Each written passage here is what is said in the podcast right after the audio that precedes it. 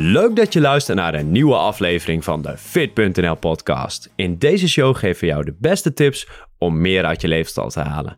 Ik ben coach Jeroen van Fit.nl en samen met mijn collega Erik gaan we vandaag in gesprek over een aantal interessante vragen. Erik, goedemiddag. Goedemiddag. Ja, we hebben een aantal hele interessante onderwerpen. Ja. En uh, ja, laten we gewoon gelijk beginnen. Zeker. We hebben twee uh, artikelen van de afgelopen tijd die we willen bespreken. Eén over snel afvallen en het yo-yo-effect. Eén over telefoon en het effect op je training. En we hebben vijf vragen binnengekregen via social media die we bespreken. En uh, daar zitten heel veel waardevolle tips over training en voeding in.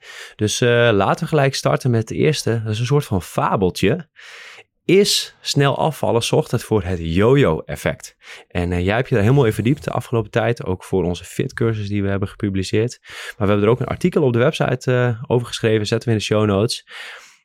Dat onderwerp, je snelle afvallen en yo-yo, zit daar een link? Nou ja, dat dacht ik altijd ook, maar dat is dus niet zo. Uh, want je hebt ook bijvoorbeeld de studie van een beroemde obesitaswetenschapper in Amerika, Kevin Hall. En daar kwam bijvoorbeeld uit dat mensen die het meeste waren afgevallen, die uh, het minst vaak terugvielen. Ja. En dat is ook in andere studies uh, uh, is dat weer opnieuw teruggekomen, dus gerepliceerd. Ja, dat gaat dan nog om, om 20, 30 kilo. En als ja. hoe meer kilo's waren afgevallen, uh, hoe minder snel ze terugvielen. Ja, dat is dus heel uh, opmerkelijk eigenlijk. Want je ziet vaak dat, uh, dat legt hij ook uit.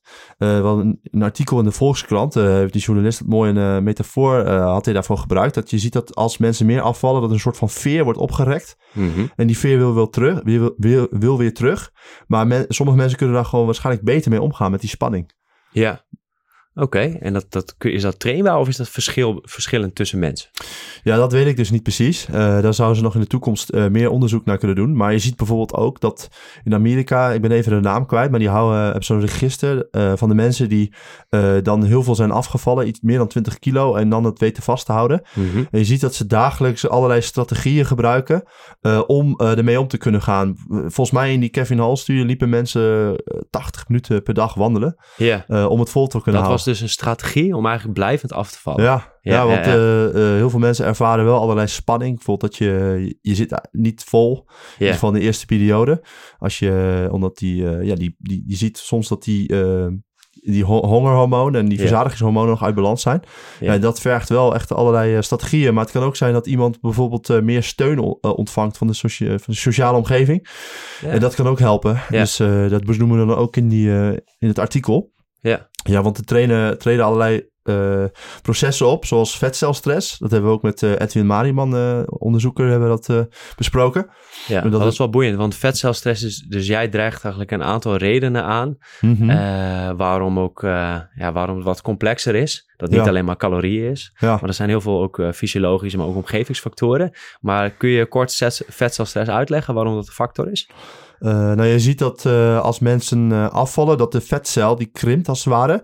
En een soort van mechanisme is dat die weer groter wil worden. En daardoor scheidt die ja, hormonen uit, waardoor je dus meer honger krijgt. En dat is een van de mechanismes. Ja, je krijgt eh, uh, hongerhormoon ghreline, die piekt als het ware wat meer daardoor. Ja, lichaam geeft het af, een soort van reactie. En dat is natuurlijk altijd op schaal, is niet ineens, die staat dan ineens aan, maar iets meer. ja. En eh, het lichaam wil eigenlijk vechten, een soort van eh, ja, overlevingsstand van vroeger. Dat er Ja. nog steeds in zit.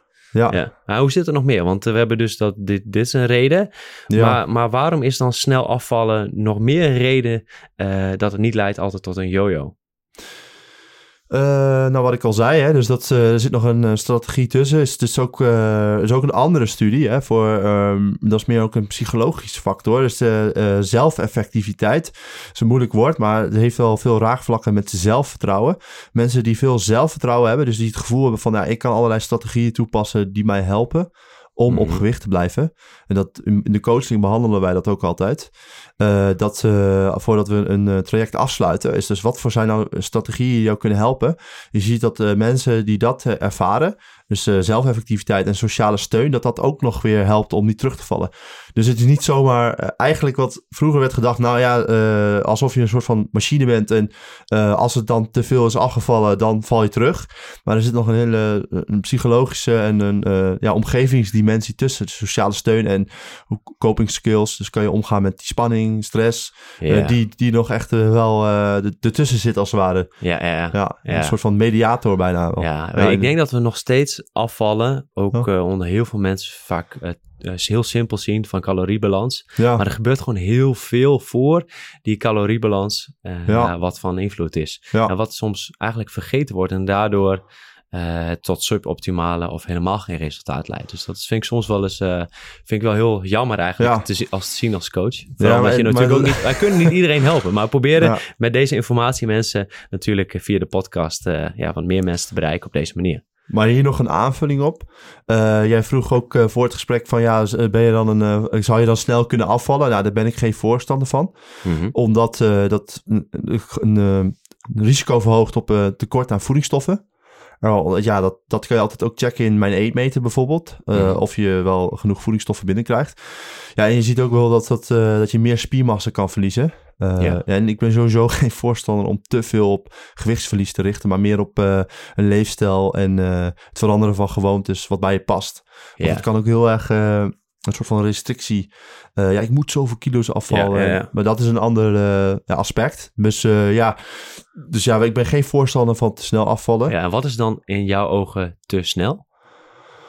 Eh, ja, gevoel eh, als voor de sporters, dan merk je echt dat je veel minder puff hebt in de sportschool en eh, je verliest heel veel kracht. Ja, en voor de mensen die niet in de sportschool, gewoon dat je gewoon minder energie hebt tijdens je werk of, of gewoon om, om te- een wandeling te maken. Ja, en als je echt heel veel honger hebt. ik heb dat zelf, dat ik echt wel eens, ik heb een keer een periode dat ik dat ook ging testen. Dat raad ik niemand aan, maar dat ging te snel afvallen. Hoe dat nou is.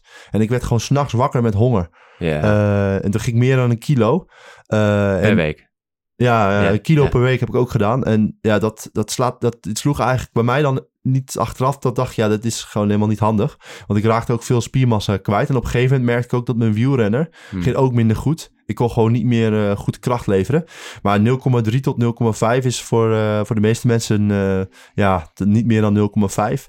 Ja. En voor als je wat meer overgewicht hebt, dan wordt het dus 0,5 tot 1 kilo nog wel eens dat dat ook kan. Ja. Ja, precies. Ja, maar wat ik wel mooi vind is, wat wij ook met coaching doen, is dat we heel erg eh, gaan zitten op streefgewoontes Ja, en niet zozeer dat gewichtsdoel. Ja. En dat we uiteindelijk focussen op die gewoontes die je aanpast, dan volgt het gewicht vanzelf wel. ja. Ja, dat is alweer een onderwerp eh, op zich. Ja. Eh, maar goed, daar kunnen we nog wel mee eh, afsluiten. En wat ik dus van, ook van dat snel afvallen, wat jij ook zei, wat ik nog goed vind om te zeggen, is als je heel snel gaat afvallen, moet je je voedingspatroon eigenlijk eh, helemaal omgooien. En dan wordt het een soort van streng dieet als het ware. En dat zit dan vaak ook te ver af van je huidige voedingspatroon. En daardoor moet je te veel aanpassingen doen. En is het ook lastig om op lange termijn eh, houdbaar te, te maken. ja. Omdat het gewoon veel stappen vereist. En daarom kun je het beter ook met kleine stapjes doen. Ja, dat is een Ja. mooie aanvulling nog. Ja. Nou, ik denk eh, dat we daar al eh, mooi mee eh, ingekaderd hebben. Kunnen we verder gaan naar het tweede onderwerp. Vond ik wel een boeiend artikel over telefoongebruik in social media. Afgelopen week gepubliceerd. Ja. Als mensen gedurende voor een training hun telefoon gingen gebruiken. Eh, dus ze hadden eerst een eerste meetmoment, gingen ze een squat doen, Ja. 15, op 80%, dus ongeveer 15 reps eh, bij de squat. Ja. Eh, en hadden ze de mogelijkheid om een, of een documentaire te kijken. Nou, de onderzoekers die gaven ze de mogelijkheid om of een documentaire te kijken of telefoongebruik. Deelden ze op in twee groepen. En eh, dus documentaire is, was een beetje ontspannend. En dan hadden ze nog social media, eh, telefoon. Dus je was verplicht om dan 30 minuten op social media eh, rond te kijken, te liken, et cetera. En nou, die twee groepen. En daarna moesten ze weer squatten. Dus precies dezelfde squat sessie doen. Dus weer op 80%. Nou ja, logisch natuurlijk dat als je eerst een squat sessie hebt gedaan en je gaat daarna eh, even een, een, een tijdje rusten en je gaat weer trainen, ben je wel lichtelijk vermoeid. Dus je zal altijd, Ja. als je een tweede test doet, eh, iets minder presteren waarschijnlijk. En dat zag je ook terug. Maar je zag ook terug dat de groep die dus eh, op hun telefoon zat, duidelijk, echt significant, minder presteerde. En ik ga even de cijfers erbij pakken. Je zag het aantal volume, dus het trainingsvolume, bij degene die ehm, mobiel gebruikte. Dan zag je dat 29% minder was. eh, met voor en na het experiment. En je zag de groep die eh, een documentaire keek, dat was dat 14,9. Dus dat is ongeveer 15% verschil in het ge- gebruikte trainingsvolume bij het tweede trainingsmoment. Dus 15% verschil in trainingsvolume eh, door het gebruik van eh, de telefoon ten opzichte van documentaire kijken. Nou is natuurlijk een klein onderzoek met kleine n. En uh, is het eerste onderzoek in, in, in, dit, uh, in dit geheel, zeg maar, dat dit zo gedaan wordt met krachttraining, met duurtraining, is dit al wel vaak gedaan. En dan zien ze ook een duidelijk verschil dat, uh, dat het gebruik van social media, telefoon, dat het wel negatieve effecten op, op performance kan hebben. Maar hier met krachttraining is dit eerste interessante onderzoek wat zo duidelijk dat laat zien. En ja, de trainingsvolume is dus wel een belangrijke. Want je kan zeggen van ja, hij squat uh, een paar minder, kilo's als je alle setjes bij elkaar optelt. Maar als je dat structureel doet, hè, als je over de weken, maanden, dus structureel minder trainingsvolume draait, zul je ook minder spiermassa en spierkracht kunnen opbouwen. Dus het is wel een relevant iets om eens over na te denken. Uh, nou, dit is dus even de onderzoeksopzet en de resultaten: 15% verschil voor en na het experiment door het telefoon. Uh, ik, ik, schiet hem gelijk even naar jou toe. Wat, uh, wat zeg je hiervan? Ja, ik vind het een heel interessant resultaat. En het laat ook zien hoe mentaal en fysiek met elkaar verweven ligt. Ik herken het ook wel bij mezelf. Dat als ik bijvoorbeeld net voor het trainen bijvoorbeeld heel druk nog e-mails ga beantwoorden. En ik ga daarna direct trainen dat ik dan pff, een beetje gedraind voel. Dus yeah. daar, is ook daarom altijd wel goed om uh, een goede warming-up te doen. Of even wat ontspanningsoefeningen. Voordat je, in ieder geval dat is mijn interpretatie ook hiervan. Yeah. Maar waar ik nog wel benieuwd naar ben. Of jij dat toevallig weet. Of ze ook bepaalde stresslevels hebben gemeten. Yeah. Want ehm, ik, ik kan ook door social media en dat je een beetje ja, wat sociale vergelijking voelt. Van, oh, en, en, toch een beetje in die, in die stress kan voelen. Niet altijd. Dat zijn ook wel, ligt er natuurlijk hoe jouw social media is. Maar uh, ik ben nog wel benieuwd of daar nog wat yeah. bekend was. Ja, ze hebben ook de mentale vermoeidheid ja. gemeten. Ja. Uh, dus dat is naar voren gekomen door middel van de schaalvragen. En je zag echt dat de mentale vermoeidheid bij de groep met uh, mobiel na het experiment, dus bij die tweede, tweede set, is dat die 60% hoger scoorde wow. bij de tweede set. Dus die ervaren dat 60% vermoeide. En degene met de documentaire 15% meer. Dus, en dan hebben we ten opzichte van de eerste set en dan de tweede set. Dus hoe ging de eerste uh, training? En daarna mhm. gingen ze dus die uh, experiment doen van, van telefoon en documentaire. Ja, ja, en uh, daarna, en dan zag je dus dat er een verschil, ja echt een groot verschil zat, is uh, van de ene van 60% meer vermoeid en de groep met documentaire was 15% meer vermoeid. Dus er zit echt een groot verschil in. Dus de perceptie van vermoeidheid, maar dat is natuurlijk wat anders als cortisol niveaus. want dan kun je het echt fysiologisch meten. Nou goed, dat is bij mij weten niet gemeten, maar wel um, de perceived vermoeidheid. Dus hoe ze dat zelf ervaren. Ja, en daar kun je ook wel een relatie zien. Als jij gewoon denkt dat je meer vermoeid bent, dan ga je ook meer trainingsvolume, minder trainingsvolume draaien. Dus daar zit wel een relatie in. Als je wat vermoe, vermoeider bent, dan moet je best wel wat energie hypen, jezelf hypen om te gaan uh, trainen. En we hadden het vandaag ook nog even over. Soms dan, als je wat meer vermoeid bent en je denkt van, ah ja, weet ik niet of vandaag gaat, gaat lukken. En dan hype je jezelf wat op. En dan kun je eigenlijk soms wel net zoveel, maar dan moet je nog wel even een drempel over. Ja. ja, ja, of ja, wat ik dan zelf daar heb gedaan, is dat ik mijn trainingstijden heb aangepast. Ik doe het nu uh, in de middag. Uh, en dan heb ik een blok gewerkt. En dan uh, ga ik sporten. En dan voel ik veel meer mentale energie ook. Terwijl ja. als ik acht uur lang of negen uur lang werk, ook met weinig pauzes, dan, en ik kom dan in een sportschool s'avonds, dan voel ik me soms echt mentaal vermoeid. En dan, ja, dan heb ik niet altijd nog uh, ja. energie om te geven. Dan moet ik echt er doorheen. En dat, ja, dat, uh, dat kost echt veel uh, wilskracht. Dus ja, voor de mensen die, als je de keuze hebt, ja, als je al vaker last hebt dat je dat s'avonds hebt, ja, dat zou ook hierdoor kunnen komen door die mentale vermoeidheid. Ja. Als je het al ziet bij een half uur mobiel uh, gebruik. Ja, dan heb je de hele dag werken. Ja. Maar goed, we zijn ook niet allemaal topsporters dat die per se die topprestatie neergezet hoeft worden. Maar het is wel iets om rekening mee te houden. En over de mechanistische factor, want daar waren we nog even een beetje naar op zoek. En de onderzoekers opperden zelf dat de mentale vermoeidheid uh, mogelijk uh, veroorzaakt kan worden door veranderingen in de neurotransmitters dopamine en adenosine, die vrijkomen bij een mentale inspanning. En uh, ja, door deze vermoeidheid is de sporter als gevolg daarvan minder in staat om op dezelfde intensiteit te sporten. Ja, en je hebt het ook wel teruggezien bij andere experimenten uh, qua eetgedrag. Dat mensen anders reageren als ze mentaal uitgedaagd worden. Dat ze dan vaker uh, verleid worden om, een eet, om ongezondere eetkeuzes te maken. Dus dat zien we niet alleen hier terug. Dat een stressvolle taak al denk je misschien wel niet dat social media een stressvolle taak is, maar mogelijk is daar, komt er onderliggend best wel wat stress uit. Ja. ehm, dat dat toch kan leiden tot andere leefstijlkeuzes. Ja, ze hebben wel onderzoek gedaan dat mensen die bijvoorbeeld, eh, dat is ook wel interessant, maar ik wil je niet te veel op uitweiden, maar dan hebben ze bijvoorbeeld gekeken naar, dan moesten ze een intensieve puzzel doen.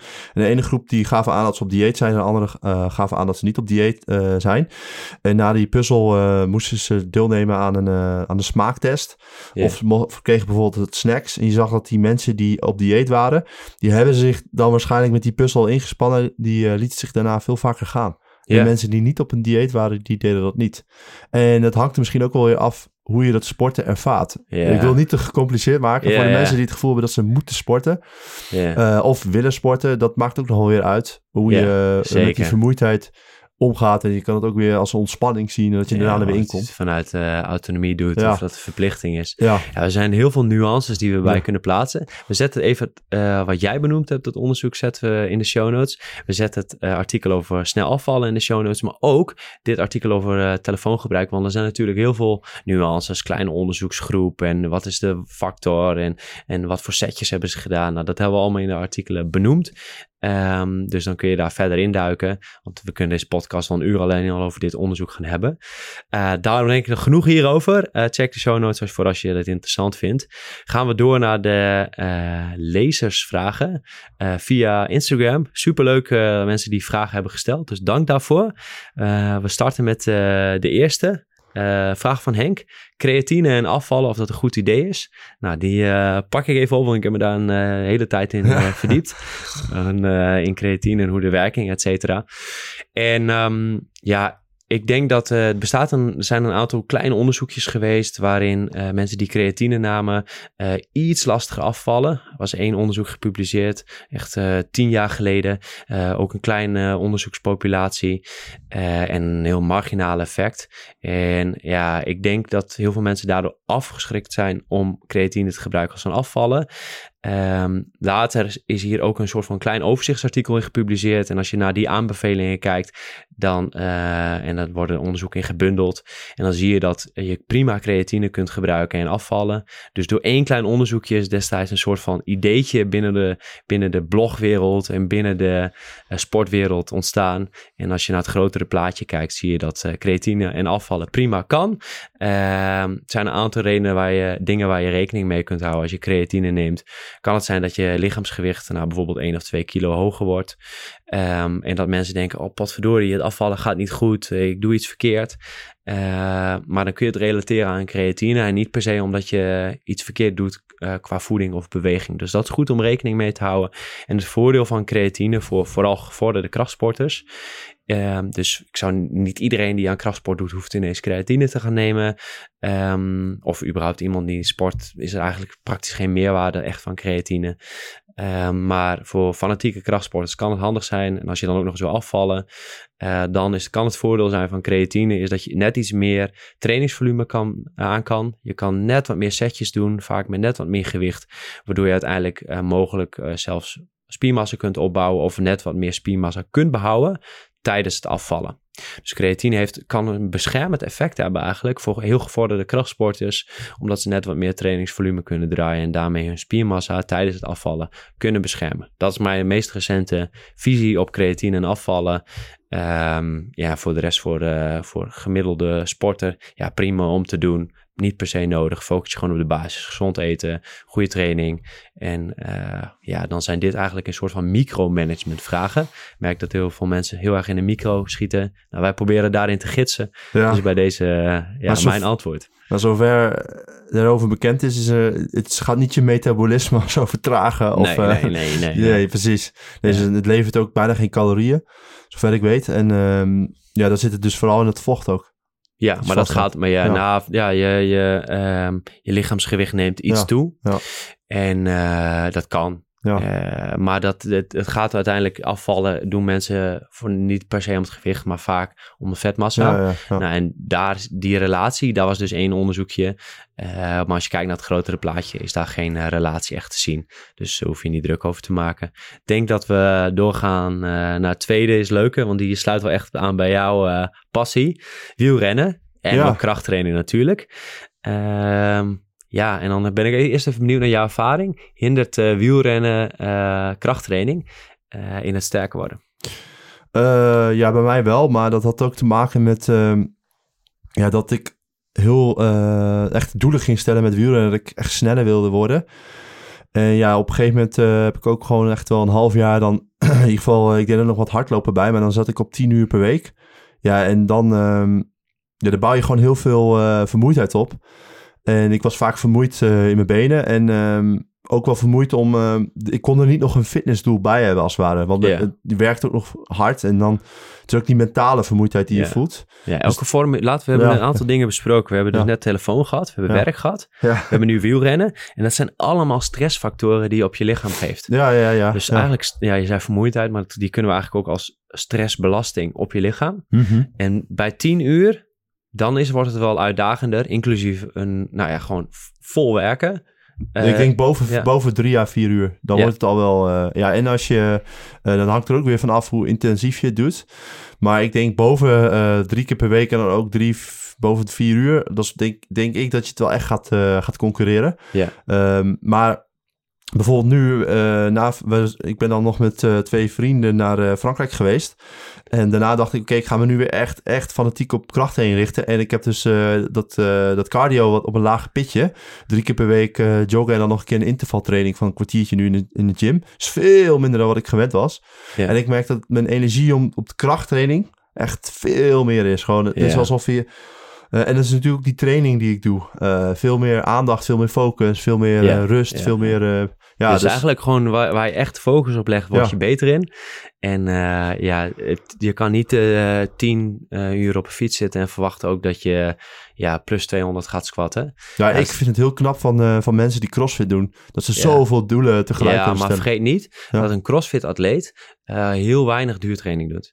Ja. Dus uh, echt op topniveau uh, crossfit-atleten die, die lopen bijna niet echt lang afstanden. Alleen mogelijk als het nodig is voor, een, voor, voor de games of voor ja. echt zo'n open wedstrijd, gaan ze dan net even wat meer doen. Maar die basiscondities zitten wel. Maar je moest ze niet vragen om een, om een marathon te gaan lopen, bewijs van. Ze hadden misschien potentie met alle wilskracht en, en hele goede fysiek, lukt het wel. Maar dat zijn, die zijn wel specifiek getraind als het ware. Ja. Dus en ja, zijn uit uitzonderingen. Er zijn echt altijd mensen die dat heel goed combineren. En uh, fysieke uitzonderingen. De Usain Bolts bewijs van van de krachttraining en wielrennen. Uh, maar, maar goed, laten we, als we teruggaan naar de, naar de praktische aanbevelingen. Ja, dan uh, als je dat wel met elkaar wil concurreren, of combineren. Yeah. want laatst was ook nog zo'n studie. had Brian Walters op Instagram had hij toegedeeld zo'n plaatje van een afbeelding. Er stond van als je low load en dan een hele hoge volume, dat dat echt uh, heel veel vermoeidheid veroorzaakt. Mm -hmm. uh, dan kan je dus beter gaan voor uh, misschien wel, een, vooral als je al wat ervaring hebt met cardio, een intervaltraining, dus vier keer vier minuten. Ja. Of vier keer twee minuten. Ja. En dan blaas je, dan, dan, ik wil niet blazen, maar dan prikkel je wel echt dat, dat systeem wel. En vermijd dan echt die lange duurritten. Ja, dus precies. niet drie, vier ja. uur, uh, want ja. daar, dat is echt, dat bouwt veel vermoeidheid op. Ja, het kan wel, als ik, want ik heb, ik heb me hier helemaal in verdiept. Het kan wel, je kan in het weekend bijvoorbeeld wel een lange duurtraining doen. Maar uh, als jij bijvoorbeeld op maandag een uh, zware krachttraining doet, je gaat op dinsdag een zware duurrit doen en je gaat dan op woensdag weer squatten op een hoog volume, ja, met een zwaar gewicht, dan kun je niet die intensiteit halen. Dus je kunt niet die, dat maximale gewicht halen, omdat je bepaalde vermoeidheid hebt. Mogelijk als je dit heel lang doet, uh, dat je lichaam daar wel op een bepaalde manier een adaptie aan hebt, dat je daar aan kan aanpassen. Maar het is altijd suboptimaal ten opzichte van iemand die alleen maar krachttraining doet of iemand die alleen maar wielrennen doet. We hebben hier een aantal aanbevelingen voor uh, over het combineren van krachttraining en cardio. Die zet ik even in de show notes. Dus wil je hier nog echt helemaal in verdiepen wat de beste tips zijn hoe, om dit te combineren. Uitgebreid artikel over, staat in de show notes. En ik zet ook nog even een uh, podcast die we hebben opgenomen voor Milo Education. Uh, kennis en kracht podcast. En daarin verstelt Wouter een aantal vragen over het combineren van krachttraining en cardio. Is, daar gaan we helemaal de diepte in over tips en werking. Dus die zet er ook nog even bij. Maar ik denk dat het leuk hebben afge, ja, afgekaderd. Heb jij nog aanvullingen? Uh, ja, uh, wat nog een aanvulling is, is om, uh, ja, om het, ja, dat klinkt heel logisch wat ik nu zeg, maar om het bij te houden. Hmm. Dus kijk ook bij jezelf, hoe zwaar was je trainingssessie, bijvoorbeeld met cardio, en hoe lang was die? En hoe, hoe, hoe ervaar je nou je progressie met je in de sportschool? dan kan je beter sneller die, zelf die links leggen. Want ieder lichaam is natuurlijk uniek. En de ene kan meer aan dan de ander. En die kan het beter met elkaar combineren. Dus mm. Uh, ja, ga het, ga het onderzoeken bij jezelf. Ja, precies. Ja. Dat is wel een goeie. Want Ja. als jij eh, nou je krachttraining al monitort, Ja, of omgekeerd als je wielrenner bent en je naar luistert, je wil krachttraining erbij gaan doen, is het heel goed om die stresslevels bij te gaan houden, prestaties bij te gaan houden. En dan kun je bijsturen. Ja, meten is weten, dus goed, eh goede tip inderdaad. ja en eh, je moet ook wennen aan de belasting. Dus als je duurritten gaat doen. Want toen ik de eerste keer eh, eh, drie uur ging fietsen, nou, dat had ik wel opgebouwd. Maar eh, ja, dan, dan is veel vermoeiender dan als je dat eh, al een hele tijd doet. En op een gegeven moment wordt die belasting ook weer minder voor je lichaam. Waardoor je ook misschien dan wel weer beter kan combineren met de krachttraining. Dus als je ook fitter wordt, ja. Ja, zeker. En dat is ook een voordeel. Ga- Vul ik hem nog even aan met één tip. Dat is een hele mooie tip die je geeft. Is dus als jij krachttraining doet en je gaat cardio daarnaast doen, dan kan in eerste instantie misschien een beetje vermoeiend zijn. Maar je voelt je ook beter daardoor. Ja. Fitter. En als gevolg daarvan kun je misschien weer meer trainingsvolume pakken op je krachtlifts. Ja, dat is ook een theorie van mij. Gaan we door naar het volgende. Is, die heb ik de vraag aan jou, Erik. Als eh, iemand aan het eh, aankomen is, gainen, is vraag eh, via de community. En die nou, eet meer calorieën dan die nodig heeft. En die gaat ook nog sporten. Moet hij dan op de sportdagen een andere calorieinname aanhouden? of over de gehele week hetzelfde eten? Ehm, ja, wat zou jij met, met coaching, wat voor advies geef jij erin? Ja, dat hadden we hiervoor ook al even over gehad. Maar ehm, dat hangt er een beetje af van eh, de meeste mensen die hebben best wel een gestructureerd leven. eh, en niet echt heel veel pieken. Eh, dus als je dat, dus niet echt heel veel pieken hebt, maar een beetje gestructureerd Ja, leven. wat bedoel je met pieken? Nou ja, als je bijvoorbeeld heel vaak op, eh, op zaterdag 20.000 stappen gaat doen eh, en, al- en allerlei steden af gaat eh, lopen, wandelen, dan heb je wel iets meer eten nodig dan een gemiddelde Mm. dag waarbij je bijvoorbeeld dagelijks naar de sportschool gaat en dan de hele dag, het mededeel van de dag zit. En dan, dat is best wel stabiel. Dus dat, Ja. dan, dan is Je het... bedoelt eigenlijk, de, de meeste mensen hebben een vrij consistente weekplanning. ja, Ja. ja. zeker. Ja, oké. Dus dan heb je niet van die pieken.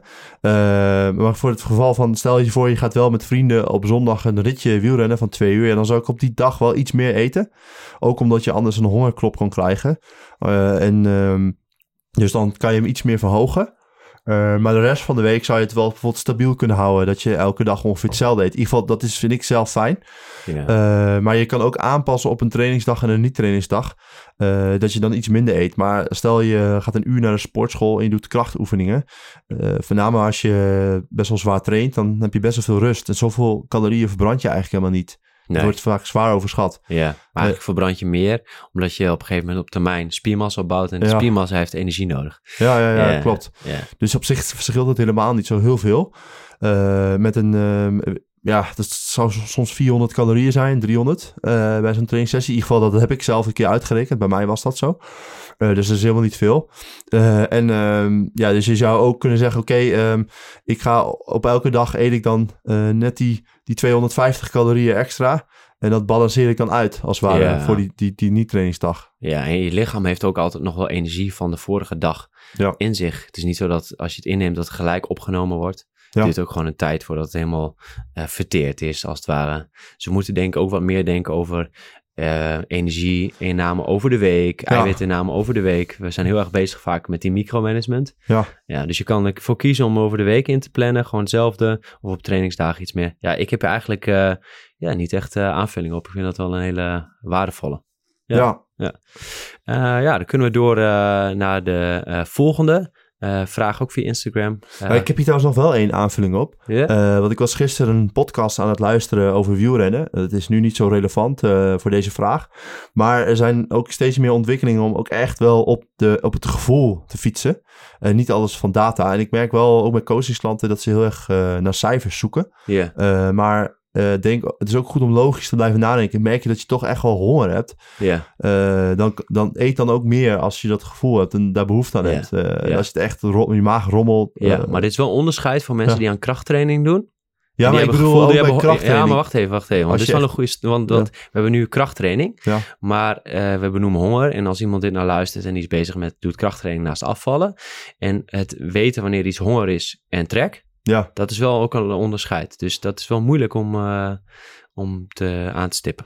Ja, dat klopt. Maar hetgeen dan om diegene die wilde aankomen, eh, dat je, eh, bedoel, net zoals met training, dat je ook niet, je, je programma zegt dit, maar je kan niet alles eh, weten. je kan niet alles soms ben je kwantificeren. vermoeid. Ja, dat, Ja. ja. dat eh, bedoel ik. Wij merken gewoon dat die rage steeds meer naar het kwantificeren. Ja, Maar, ben ik wel met je ehm, eens. Jo- Maar inderdaad, ehm, dus luister ook gewoon naar je gevoel. En eh, ja, wil je, heb je niet een, een hele negatieve relatie met de weegschaal en ben je, kan je ontspannen met gewicht omgaan, dan zou je ook meerdere keren per week kunnen wegen om het te- meer te testen, Hmm. meer een beeld te krijgen. Eh, of, of dat eh, ja, met je geschatte energiegebruik eh, overeenkomt met je gewichtstoename. Maar dat wil nog ook nog niet alles zeggen, want dat fluctueert ook weer. Ja, Dus ehm, ja, duidelijk. Ik hoor het alweer, nuanceer ik. Erik. ja. Dan even over vegan leefwijze en krachttraining en spiermassa opbouwen. Vraag via de community. Ehm, eh, ja, jij hebt eh, zelf een hele tijd eh, vegan gegeten, ook veel krachttraining gedaan, bezig spiermassa opbouwen. Wat zijn praktische tips die je mee zou kunnen geven aan diegene? Ja, dat is wel iets meer uitdaging inderdaad dan als je vegetarisch eet of ja, gewoon vlees. Maar wat ik wel heb gedaan is eh erwten-eiwit gekocht eh, Mhm. en soja-eiwit. Eh, dus dat, eh, daar neem ik twee scoops eh, van per dag. Ja, om puur om je eiwitinname iets te verhogen. Ja, dat is al 50 gram. Ja. En dan maak ik bijvoorbeeld een shake. want ik vind dat poeder echt niet... smaakt echt van geen meter. Maar ik neem gewoon elke dag een shake. En dan met een eh, banaan. eh, je zocht praktische tips, hè? Dus ik ben meestal van, van theorie, maar nu praktisch. Dus dan maak ik een shake van eh, soja eh, melk. Mhm. En dat doe ik dan met eh erwten-eiwit, eh, Ja, een banaan en dan eh, van dat diepvriesfruit. Van ja, dat, eh, maak het even net wat lekkerder. Als ja, ja, ja, dat, en dat, dat lekkere zoete. ja. En ik neem altijd soja kwark. Dat neem ik één bak per dag. Mm. Eh, ja, en ik doe gewoon pindakaas op mijn brood. En Ja. tijdens het avondeten doe ik altijd een vleesvervanger of tofu Mm. of quinoa. Dus Ja. daar kan je ook alweer 30 tot 40 gram eiwitten mee pakken. Ja. Ehm, dus ja, met die combinaties kan je wel al 160, 170 gram kan je wel komen. Ja, Ja. precies. Nou, dan ben je al heel 150, eind. ja. dat is Het is niet ideaal vergeleken eh, als je, want je hebt al 30% meer nodig. Maar je Ja. kan wel op 1,5, 1,6 gram per kilogram lichaamsgewicht komen. Moet ik zeggen dat ik een intimi... Ja, ik ben geen eh, super gevorderd uh, krachttrainer. Maar dat, die lukt het ook. Want er zijn genoeg vegan bodybuilders. Die lukt. Maar met deze tips ja. kan je wel op 1,5 teruggerekend naar eh, dat je die 30% eraf haalt. Ja. Dus zonder die 30% wel op 1,8. ja, dat is hartstikke mooi. Ik denk Ja, dat dat is ook meer dan voldoende. Hoeven- je hoeft niet per se op die, altijd op die 2 te eindigen of die 1,8. Vooral als je niet afvalt. Ja. Ik denk dat dat een, eh, dat een hele goede is. En er zijn nog meer eh, elementen waar je op let. Is bepaalde supplementatie. Eh, ja, ik heb dus nu dat... eh, ja, ik, zonder zonder eh, een eiwitshake wordt het echt heel lastig. Vooral als je een krachttraining doet en ook veel aan krachttraining. Dus ja, ik zou wel een eiwitshake nemen. Ja. Ehm, dus dat is echt wel ja, vrijwel noodzakelijk bijna wel. Als je die 1,5 eh, wil aantikken. Ja. En qua en, vitamine eh, B1, 2. Ja, Ja, dus Daar, heb je ook, daar zou ik ook op letten. Maar we hebben hier ook een artikel voor... Mm. die, ik denk dat het handig is om die in de show notes te zetten. En we hebben ook een artikel van... van eiwitten en dan hebben we ook zo'n mooie tabel. Ja. En dan zie je ook waar... eh, Handige producten. Ja, handige producten voor Ja. zowel eh, mensen die eh, vlees eten, of vegetariërs, veganisten, waar ja, eiwitrijke producten in zitten. ja En natuurlijk alle nuances rondom eh, waar je op moet letten. En eventueel eh, raden we ook altijd aan, kies je een heel ander dieet wat afwijkt, zonder dat je daar echt de kennis over hebt. Dan kun je deels zelf doen, eh, maar het is ook altijd even handig om dit met een diëtist te bespreken, zodat je zeker weet dat je voldoende vitamines en mineralen binnenkrijgt. Dus deze tips dan geven je een bepaalde basis, vooral qua eiwitinname. Ja, en ik heb niet, ja, uit eigen ervaring heb ik ook niet echt het idee dat vlees, in, nou, in ieder geval misschien op topniveau, eh, dat het wel weer belangrijk wordt, maar op het niveau van waar ik krachttraining zit, dat dat niet zo heel veel verschil uitmaakt. Nee. Of je nou vegan eet of, eh, het gaat vooral om dat je wel voldoende eiwit binnenkrijgt. Ja, ik kan het niet vaak genoeg eh, herhalen, voldoende hersteld. Ja, Voldoende ja slaap. en ik denk Ja. gewoon, ja, wat de Ja. meest drijvende factor is voor spiermassa opbouwen, is krachttraining doen. Ja. Dat is de allermeest essentiële. Ook bij afvallen. Als je aan krachttraining doet en je wil je spiermassa behouden, ja, dan, dan moet je gewoon aan krachttraining doen. Ja. Dus dat is een eh, factor. Dat die trainingsprikkel blijft essentieel. En dan komt die tweede, is natuurlijk goed eten en slapen en eh, zorg voor stressmanagement. Dus dat zijn inderdaad eh, goede factoren. Dus ik denk, eh goede en bijvoorbeeld eh, nog een tijdje met de Jeremy Reinders hard gelopen. Gingen we samen sprintjes trekken. Hij is een vegan uh, crossfit atleet. We hebben hem ook geïnterviewd in de Fit podcast. En hij is echt super jacked, gespierd. Ja. En hij volgt een vegan leefwijze. Misschien leefwijze klinkt heel zwaar. Eetpatroon. en nou, heeft hele goede cijfers met krachttraining en ook qua fysiek. Dus uh, ja, ik denk dat hij wel zijn aardig op zijn maximale potentieel zit met een uh, vegan voedingspatroon. Dus dat is knap. Ja, ja, Nou, denk gaan we door naar de volgende. Dat is dan ook een leuke vraag. hoe progressie houden tijdens een lean bulk? ik word wel sterker, maar ik, ja, ik zie weinig, dus qua fysiek. Nou, en ja, allereerst bedankt voor de vraag. Um, ik denk dat dit is wel een leuke, want uh, wat dat zie ik wel vaker terug. Mensen maken progressie, maar zien het soms qua fysiek niet. Nou, vooral als je voor een lean bulk kiest, kan het zijn dat je vetpercentage ook wat stijgt. Dus dan dat je mogelijk net wat, net wat, net iets meer in, in, in vet toeneemt. En waardoor die spieren minder goed zichtbaar worden. Maar de belangrijkste factor waar je rekening mee moet houden, is dat je sterker wordt. Dus dat betekent dat je, dat geef je ook aan. Ik word sterker, dus dat is essentieel. En dat is heel mooi, want door sterker te worden kun je weer meer trainingsvolume draaien. En door meer trainingsvolume kun je ook weer meer spiermassa opbouwen. En als gevolg van meer spiermassa kun je weer sterker worden. Dat is een soort van vicieuze cirkel. Je wordt sterker, je bouwt meer spiermassa op en daardoor word je sterker Dus uh, kijk ook niet te veel naar uh, fysiek uh, verschijnsel. Want het duurt gewoon een tijd om echt een gigantische kast op te bouwen. ja, dat duurt gewoon maanden, jaren. En als je sterker wordt, is gewoon het eerste signaal van ik ben op de goede weg. En ja, kijk ook voor jezelf wat die lean bulk is meet dat eens even met die calorieën. Maar als dat echt een, uh, een lean bulk is die richting de 1000 calorieën is, dan wordt het meer boven je energieinname. Dan is het niet meer een lean bulk, maar dan is dat gewoon een, ja, een gigantische bulk. Ja, en dan kan het wel zijn dat je vet, uh, vetpercentage wat te veel toeneemt. Uh, waardoor het inderdaad niet echt zichtbaar wordt. Maar wel met de kilo's qua progressie. Dus ik denk dat dat het belangrijkste is. Focus je gewoon op sterker worden. En dan volgt de rest vanzelf wel ja, heb jij daar nog aanvulling op? Ja, ik denk ook wel dat het uh, echt tijd nodig heeft om uh, te groeien in spiermassa. Ja. Want ja, je moet maar eens nagaan als je in de supermarkt loopt, 500 gram vlees.